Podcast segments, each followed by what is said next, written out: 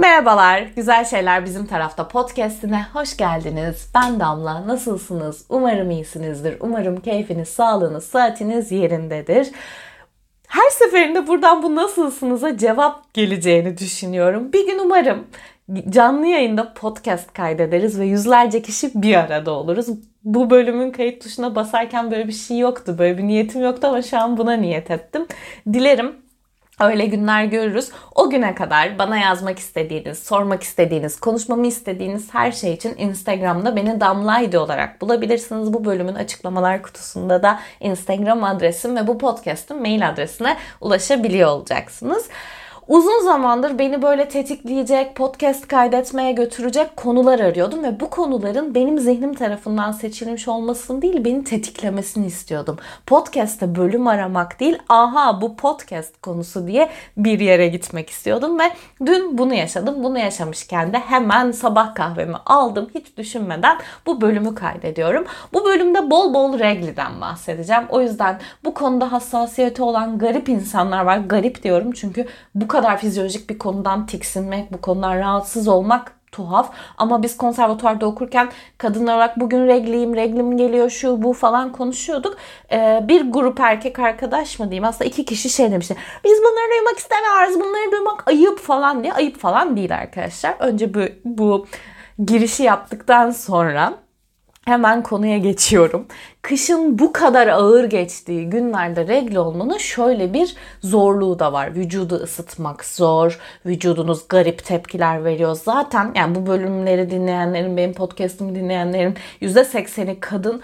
Umarım sağlıklı yollarla regle oluyorlardır. Fizyolojileri buna izin veriyordur. Hepimizin yaşadığı mental çöküşler oluyor, fizyolojik zorluklar oluyor. Ayda bir haftanız sürekli garip geçiyor. Yani kimimiz için ağrılı, kimimiz için mide bulantılı zor bir süreç. Ben çok ağrı sancı çeken bir tip değilim ama son bir yıldır beni çok düşürüyor regli dönemim. Mental olarak düşmeye çok alışığım. İşte dünyadan nefret ederim. Geçen gün Meghan ve Harry'i izleyerek ağladım regli boyunca. Yani hani e, İngiltere prensine üzülmek sana mı kaldı be damlacım yani. Öyle bir düşüş her zaman yaşadığım bir şeydir ama elimin kolumun kalkmaması, e, duşa girememek, günlük faaliyetlerimi gerçekleştirirken çok zorlanmak ve kan şekerimin çok hızlı düşmesi çok yaşadığım şeyler değildi. Son bir yıldır bunu tecrübe ediyorum. En son 2-3 gün önce işte artık böyle gerçekten yatay pozisyondan dikeye gelip oturamadığım dahi bir halsizlik hissediyordum. Ee, ve bu halsizlik beni sinirlendiriyor çünkü o gün çalışmak istediğim bir sürü şey var. Hatta podcast'te kaydetmek istiyorum falan. Beceremiyorum. Ee, sabah uyandım böyle bir gün geçiriyorum. Zorlandım. İşte bir takım işlerim vardı onları iptal ettim. Gün boyunca bir şeyler yiyorum, atıştırıyorum, geri yatıyorum kitap okuyorum. İşte e, Netflix'i açtım ne kadar cheesy içerik varsa onları izliyorum ama bir yerden sonra artık böyle kulaklarım falan uğuldamaya başladı. Fizyolojik olarak gerçekten zorlanmaya başladım. Çok da ağrılı sancılı olan bir tip olmadığım için de hani insanlara regle oldum dedim geçtim. Erkek arkadaşımın iş çıkış saatine yakın saat 4.30 gibi falan bayağı kötüleştim. Yani onu bir kere aradım Açmadı. E, açsaydı şey diyecektim. Bir vapurla bana ulaşabiliyor benim evime. E, atla gel ben iyi değilim modundaydım. E, işten çıktı geldi. Ben tatlı seven biri değilimdir. Ve tatlı istedim. Tatlı yedim. İşte biraz toparladım. Erken uyudum ama asla aklımı toparlayamıyorum. Böyle zor ve yoğun bir gün geçirdim. Bunu şu yüzden anlatıyorum. Yani bir insanın bir insana ben bunu bunu bunu bunu yaşadım dediğinde ay çok geçmiş olsun şimdi iyi misin bir şeye ihtiyacın var mı aman dikkat et ben ne yapabilirim falan diyeceği bir gün geçirdim. Ki genel olarak benim ailemle ilişkilerimden de çok sık bahsediyorum bu podcast'te. Ben annemle ve babamla, kardeşimle sabah günaydınlaşan, akşam iyi geceler mesajı atan, aynı evde yaşasak dahi, hani e, yaşamasak dahi sık sık konuştuğumuz, işte gün içinde ben annemi belli bir saate kadar aramasam senin niye sesin çıkmıyor diye beni aradığı bir ilişkim var ve böyle hasta olduğumda e, iyi misin bilmem ne falan filan diye panikleyen ee, ve benim çok böyle gün içinde ne yediğimi, ne yaptığımı, nasıl bir gün geçirdiğimi, ne kadar yorgun olduğumu, hangi filme gittiğimi, hangi oyunu izlediğimi bilen bir ailem var. Yani 33 yaşındayım ama 13 yaşında evde yaşayan halimin ayrı bir evde yaşayan hali. Anneme ertesi gün böyle bir gün geçirdikten sonra ertesi gün sabah anlatıyorum. İşte dün böyleydim çok kötüydüm. Ee, şöyleydi falan böyle anlattım. Annem bana bir şey olmaz dedi. Anne bir şey olmaz geçti zaten. Aa, ne olacak canım işte vücudun temizlenmiş de işte bak ne kadar sağlıklı regli olmuşsun da bu kadar kanaman olması iyi bak. Yıllar önce doktorlara taşınıyorduk bu sebeple e, falan diyor. Anne evet biliyorum bunları. Bir şey olmaz kızım ya hani geçmiş ki. Anne bir şey oldu bana. Ben dün kötüydüm. Bana bir şey oldu dünya. Bana bir şey olmadı değil. Ay işte sen panikleme diye söylüyorum falan gülüyor falan. Ve bayağı kızdım. Anne bir başımıza bir şey geliyorsa bir şey geliyordur. Ve o sırada senin bana orada acı yok acı yok acı yok. Yok yok yok düşmediğin acımadı. Bebeğe yaparlar ya hani böyle 3 yaşında bir çocuk düşer. Acımadı acımadı. Ki onu da demek doğru değilmiş artık bu da konuşuluyor. Acıdı canının acıması üzülmen korkman bunlar normal diye duyguları tanımlamak gerekiyor. Annem 33 yaşındaki kızına bir şey olmaz, bir şey olmaz, bir şey olmaz diyor. Şimdi grip olduğumda panikliyorsun, regl olduğumda paniklemiyorsun durumu da değil bu. Annem bir konuyla ilgili benim bazı olumsuz duygular yaşayacağımı düşündüğü noktada beni manipüle etmeye çalışıyor. Benim derdimi tasamı önemsemediği bir versiyon da olabilir bilmiyorum. Ama buna inanmıyorum açıkçası. Böyle bir saçma bana e, durumu kapatma tavrına girdi. Sonra bu tavır bana bir şey hatırlattı. Ben çok küçükken yıllar önce anneannem hayatta o zaman bir kuzenimle alakalı e, şeyi hatırladım. Ee, anneannemin evindeyiz. Beyaz örtü böyle kızın başına geriliyor. Bir kurşun dökme seansı hatırlıyorum. Yıllarca bunu hatırladım. Ee, ve anneme diyorum ki ben böyle kurşun döküldüğünü gördüm işte o kuzenime böyle bir şey yapılmıştı anneannemin evinde bir kadın gelmişti biz kapıdan izlediğime kadar hatırlıyorum. Annem bana yıllarca dedi ki böyle bir şey olmadı anneciğim sen bunu galiba duya duya hani e, işte kurşun dökme hikayeleri duydun onu duydun bunu duydun. O yüzden kafanda birleştirdim filan diye böyle sürekli bana yok böyle bir şey filan dedim. Ben de peki dedim yani çocukluğum boyunca bu konu her açıldığında bunu söylüyorum. Ee, annem bana diyor ki hayır öyle bir şey olmadı anneciğim. Anne Allah Allah filan. Neyse bir süre sonra ben böyle bir şey olmadığına ve böyle bir şeyi zihnimde yarattığıma ikna oldum. Kendimi zihnimde bir şeyler yaratabildiğime ve buna ikna edebildiğime ikna ettim. Ve kendi kendimi annemin bakış açısıyla manipüle ettim. Şimdi bu bölümü dinleyince de vah ne kötü anne gibi olabilir ama eminim hepinizin annesinin böyle şeyleri vardır. Anneler genel olarak kendi bildikleri doğruları yapıp hiç niyetleri olmayan sonuçlara vardırabiliyorlar durumu. Biraz aslında onu anlatmak için bu bölümü kaydediyorum. Sonra yıllar yıllar sonra 28-29 yaşında bile olabilirim. Yani 25'ten sonraki bir yaş, son, şu geçirdiğim son 7-8 yıl içerisinde Annemle başka bir konuyu konuşurken ve sanıyorum yine bana bir kurşun döktürme arzusu gelmişken annem bana bu olayı anlattı. Ve size bir şey söyleyeyim mi? Hayatımda hiç bu kadar hayal kırıklığına uğramış hissetmedim kendimi. Çünkü yıllarca benim gerçeklik algımla oynadı. Yani yok öyle bir şeydi. Çünkü işte kurşun döktürmenin, işte bunun dini, ritüel, bla bla annem onun benim zihnimde bir korku yaratacağına ikna olmuş ve bana onun hayal olduğunu anlatmanın doğru olduğunu düşünüyor. Halbuki bende başka şeylere sebep oldu bu uzun vadede. Bir şeyi çok iyi hatırlayamadığım zaman çocukken şey yaşardım. Ben bunu kendime at, e, ikna ettim. Böyle bir şey olmadı. Böyle bir şey olmadı. Halbuki bu benim başka insanlar tarafından zaman zaman ilkokuldaki boktan zorbalar tarafından manipüle edilmemi sağladı. Çünkü oradaki açık çok hızlı görünüyordu. Ben birinin bakış açısına çok hızlı ikna oluyordum. Anneme şey dediğimi hatırlıyorum. Bana bunu nasıl yaparsın ya? Ben yıllarca sana gelip bunu sordum. Orada bana evet böyle bir şey oldu. Korkmamalısın bu böyle böyle bir şeydir deseydi her şey çok daha başka yere gidecekti. Bazen kendi duygularımızı bastırmayı o kadar iyi biliyoruz ki karşımızdakinin o duyguyla nasıl başa çıkacağından emin olamayıp onun duygularını manipüle etmeye çalışıyoruz. Ve annem koca 33 yaşındaki kızına dün regl bir şey olmaz. Ben sanki şey mi diyorum öleceğim kalacağım bunu ona da anlattım. Ya bunda bir işte benim miyomum var bilmem ne öyle bir yere gitmiyorum. Ama benim şuna ihtiyacım var sadece. Acını görüyorum çok zor bir şey yaşamışsın diye. E, bu genel olarak aslında bir ebeveyn davranışı. Bu bazen hayatımızdaki bazı insanların canları acımasın diye onlara yaşadıkları şeyleri hafifleterek anlattığımız işte e, yakın arkadaşınız erkek arkadaşı tarafından manipülasyona uğruyordur. Ay o da biraz bencil falan diyorsunuzdur. Onun o duyguyla nasıl başa çıkacağını bilmediğiniz zamanlarda ya da erkek arkadaşınız ailesi tarafından istismara uğruyordur maddi manevi. Ona e, böyle ay o da biraz bencil bir insan mı? O da biraz çıkarcı mı filan gibi bir yere. Halbuki insanlara o durumları ve o duyguları yaşama hakkını vermemiz gerekiyor. Kendimize ne kadar vermemiz gerekiyorsa. Bu başkasının bir duyguyla nasıl başa çıkacağına karar vermek bir kibir. Mesela çok yakın zamanda biri bana yalan söyledi bana dürüstçe artık hayatında olmamı istemediğini söylemek yerine e, benden rahatsız olduğunu, benim yetersiz geldiğimi bla bla bunları bana konu, anlatmak yerine hayatıyla ilgili belki kendisinin de inandığı bir sürü yalan söyledi.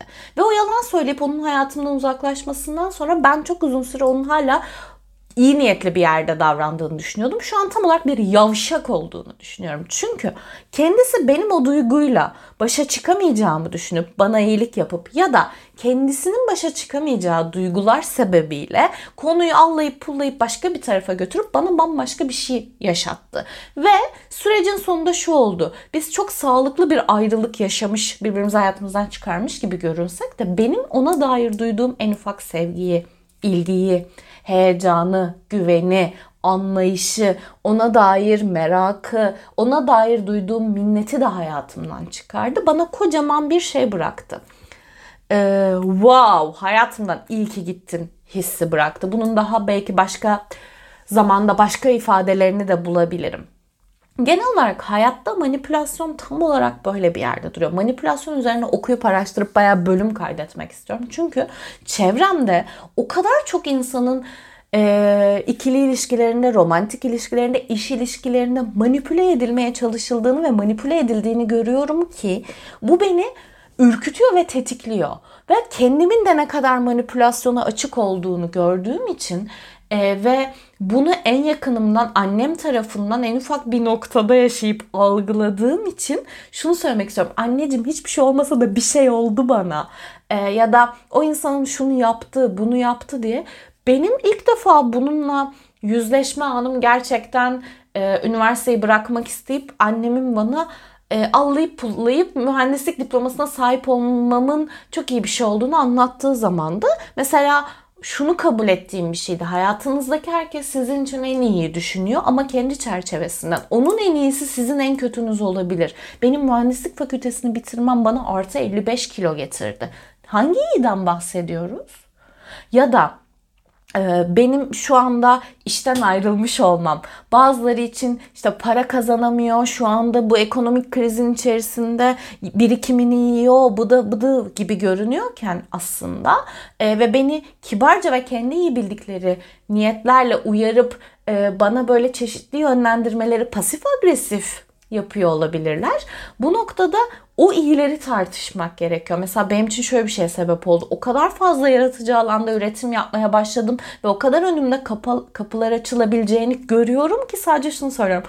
Wow burada böyle bir hayat vardı ve ben e, neler kaçırıyordum. Bunu söylememek için çekindim. Şu anki tedirginliğim bundandı. Şu an kaçırmıyorum. Şu an her şeyi kucaklamaya hazırım ve evren hadi bakalım neler mümkün dedirtti. Evet annemin küçücük bir e, regli gecik nasıl diyeyim e, regle ağrısı ile ilgili beni geçiştirmesi hissi zihindeki bütün o alanları tetikledi ve bana bunu size anlatma hissi uyandırdı. Ee, bazen şunu da yaşıyorum. Erkek arkadaşımla da yaşadığımız bir şey bu. Beni başka biri üzdüğünde, başka biri sinirlendirdiğinde, e, biri bana haksızlık yaptığında inanılmaz sinirleniyor ve bana o konudan beni korumak için inanılmaz konfor alanı yaratan biridir. İşten ayrılmamı bir buçuk yıldır söylüyordu. İşte bazı arkadaşlarımla ilişkilerimi koparmamı çok uzun uzun isterdi. Bir sürü noktada bana destek olurdu. Manevi maddi, maddi manevi konuşamadım.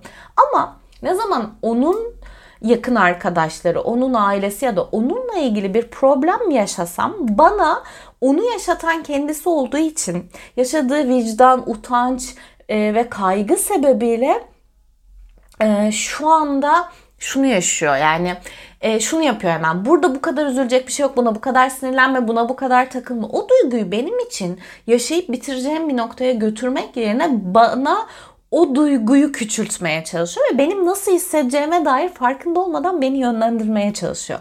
Ve bunu da bu arada aşırı iyi niyetli yapıyor. Beni çok sevdiği için yapıyor. Hayatta her kötülük birini sevmediğiniz için yapılmaz. Aksine bence birini sevmediğiniz, birine değer vermediğiniz, ondan nefret ettiğiniz için ona kötülük yapmak için bir kanal ya da ona zarar vermek için bir açıklık bulmuyorsunuz. Oraya uğraşmıyorsunuz. Bazen çok iyi duygularımız, bazen birine çok bağlı olmamız, bağımlı olmamız, ona çok değer vermemiz onun hayatında olumsuz şeyler yaratabilir. Bunu ben de yapıyorum bazen. Ee, benim çevremden birini üzen herhangi birine karşı sakin ve objektif kalamıyorum. Hep o duyguyla hareket ediyorum. İnsanların değişeceğine ve dönüşeceğine çok inansam da buna dair somut şeyler görmedikçe inanılmaz sarkastik ve pasif agresif laf sokuyorum. Bunu çok yakın zamanda bir arkadaşımın erkek arkadaşı için yaptığımı fark ettim. Adamın bana yaptığı hiçbir şey yok. Ama e, hayatımdaki birini o kadar üzüyor ve o kadar e, olmadığı gibi hissettiriyor ki bu beni inanılmaz tetikledi. O ikili arasındaki problemi çözüyorken ben o hisle kaldığımı fark ettim. O duyguyla kaldığımı fark ettim ve farkında olmadan arkadaşıma kendisini kötü hissettiren bir şey yaptım. Halbuki niyetim çok iyi aslında. Onu üzülmeyeceği bir yere götürmek istiyorum. Onu kolundan tutup taşımak istiyorum ama niyetim ve davranışım uymayabiliyor. O yüzden de duyguları hissetmek, bunları kabul etmek ve bunları nasıl ifade edeceğini çözmek üzerine çalışmak çok önemli. Annem belki de kendi kaygılanmak istemediği için işte 500 kilometre, 700 kilometre uzakta yalnız yaşayan kızı hastalandığında ya da her ay yaşadığı bir şeyle ilgili kaygı duyarsa zorlanacağı için yok sayıyor bunu. Keza bir duyguyu o yok saydıkça onun da mutlaka dünyasında bunun bir karşılığı var. Ama onun dünyasındaki karşılığı ben çözemem. Ben ona fark ettirebilirim. Mesela annem sebebiyle bu bölüm annem üzerine oldu ya. Annem sebebiyle çok fazla etrafımdaki insanları mutlu etmeye teşne bir zihnim var. Şey gibi nereye gidilecek yemeğe dendiğinde o anda inanılmaz karşımdakini düşünerek hareket ediyorum. O ne isterse olsun, o mutsuz olmasın, onu mutsuz etmeyeyim o günün sonunda. Halbuki benim seçeneğim, isteğim, arzum onu mutsuz etmek zorunda değil. E, kendimden çok kolay fedakarlık verebilen biriyim. Bunu yakın arkadaşlarımla konuştuğumda aksine böyle görünmediğim, çok kendi isteklerini söyleyen, bilen biri olduğumu söylüyorlar. Halbuki ben onu da kendim için bir kılıfa sokuyorum. Sen nasıl istiyorsan, sen nasıl mutlu olacaksın. En ufak bir kahve yerinin seçiminde bile arkadaşlarıma o kadar alan tanıyorum ki ben burada kahve içmek istiyorum diyemiyorum. Ya da bir yere götürdüğümde e, beğendin mi, mutlu oldun mu, sevgilime yemek yaptığımda beğendin mi, ben senin için bunu düşündüm. Sürekli bir birilerini mutlu etmek zorundaymışım. Her şeyi alttan almak zorundaymışım. Benim hayattaki görevim buymuş gibi davranıyorum ki bu uzun uzun bölümler boyunca konuştuğum bir konu. İlk Ekim 2021 bölümlerine gittiğinizde bunlar üzerine uzun uzun konuştuğumu göreceksiniz. Şu anda Mesela ona o tepkiyi verebil anneme he deyip kapatmamak, ona o tepkiyi verebilmek o kadar iyi geldi ki bana. Bana bir şey oldu ve ben bunu yaşıyorum. Sen ne dersen de bu duygu böyle. Başımıza gelen iyi ya da kötü her şeyin sorumluluğunun bizde olduğunu bilmek çok önemli. Bu insanı narsistik bir tarafa da götürebilir, kibirli bir tarafa da götürebilir. Çok daha tekamülde yaşamasına da sebep olabilir ve şunu biliyor olmasının gücünü getirebilir. Ben değiştiğimde bu değişecek. Ben değiştim. Ben bunları YouTube buna göre hareket eden biri değilim artık. Biri istiyor diye bir meslek sahibi olmayı yaşadığım için şu an biri istiyor diye X, Y, Z seçeneğini seçmemeliyim hayatta. Kendi istek ve arzularımı koymalıyım. Ee, tecrübe herkesin kendi kesesinden elde ettiği, başkasının deneyiminden elde edemediği bir şey ve elde ettiğiniz tecrübeleri elde etmemiş gibi davranamazsınız. Sınır korumak çok önemli.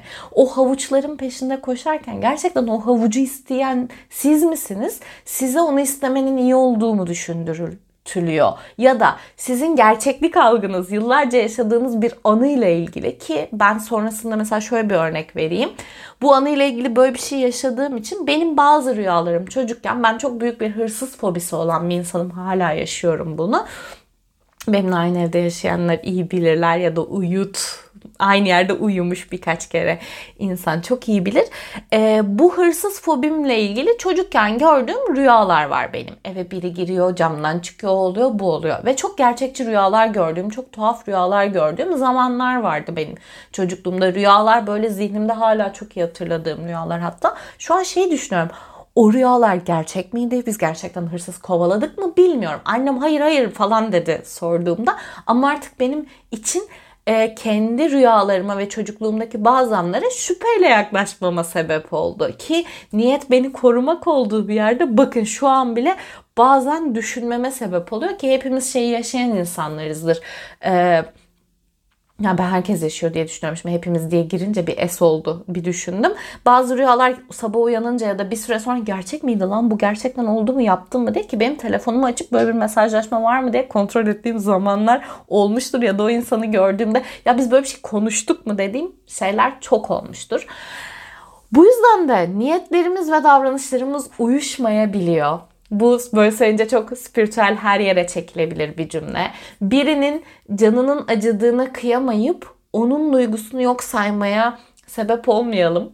Ee, hiçbir şey olmasa da bir şey oluyor insanlara. Kendi duygularımızı, karşımızdakilerinin duygularını, özellikle çocuklarımızın duygularını fark etmelerini, kabul etmelerini ve o duyguyla nasıl başa çıkabileceklerini öğrenmelerini sağlamak çok önemli. Bir de hayatımızdaki insanlara sürekli ders veriyor gibi olmak zorunda değiliz. Ben bazen kendimi öyle buluyorum. İnsanlara sürekli ders veriyormuşum. Onlara ne yapmaları gerektiğini anlatıyormuşum. Kendimi sanki bir yerde üst akıl gibi görüyormuşum gibi tavırlarım olduğunu fark ettim ve değiştirmeye çalışıyorum. Tavsiye boyutunda ki istenmeyen bir tavsiyeyi de asla vermiyorum. Biri bana bir şey anlatıyorsa, yorum yapmam bekleniyorsa ve sakince ve sessizliği bozmamı değecek sözcüklerle yapabileceksem o yorumu yapıyorum yoksa yapmıyorum. Bu yüzden de herkese de bunu tavsiye ediyorum. Bu bölüm inanılmaz intim bir bölüm. Ee, bölümün adında anne geçirirsem e, daha mı çok dinlenir bilmiyorum. Şu an bölümün adını bilmiyorum. Bir küçük editlemeye ihtiyacım olacak. Ondan sonra bölümün adını seçeceğim. Ama bu bölümle ilgili özellikle bununla ilgili mesaj, yorum ve maillerinizi bekliyorum. Beni takip ederseniz Spotify'dan çok sevinirim. Sevdiğiniz insanlarla paylaşırsanız çok sevinirim. Ee, bu bana hem gerçekten bir motivasyon kaynağı getiriyor hem de burayı daha şevkle yapmamı sağlayacak bir e, nasıl söyleyeyim sponsorluk gibi işbirliği gibi şeyler için de benim için kıymetli bir yeri var. Çünkü ben bu işten e, çok keyif alıyorum ve keyif aldığım her şeyin artık benim için e, alma verme dengesinde maddi manevi bir karşılığı olsun istiyorum. Podcast dinleyen herkesi çok seviyorum. Seda Sayan gibi hepinizi kokulu kokulu öpüyorum. Güzel şeyler bizim tarafta. Sonraki bölümde görüşünceye kadar hoşçakalın.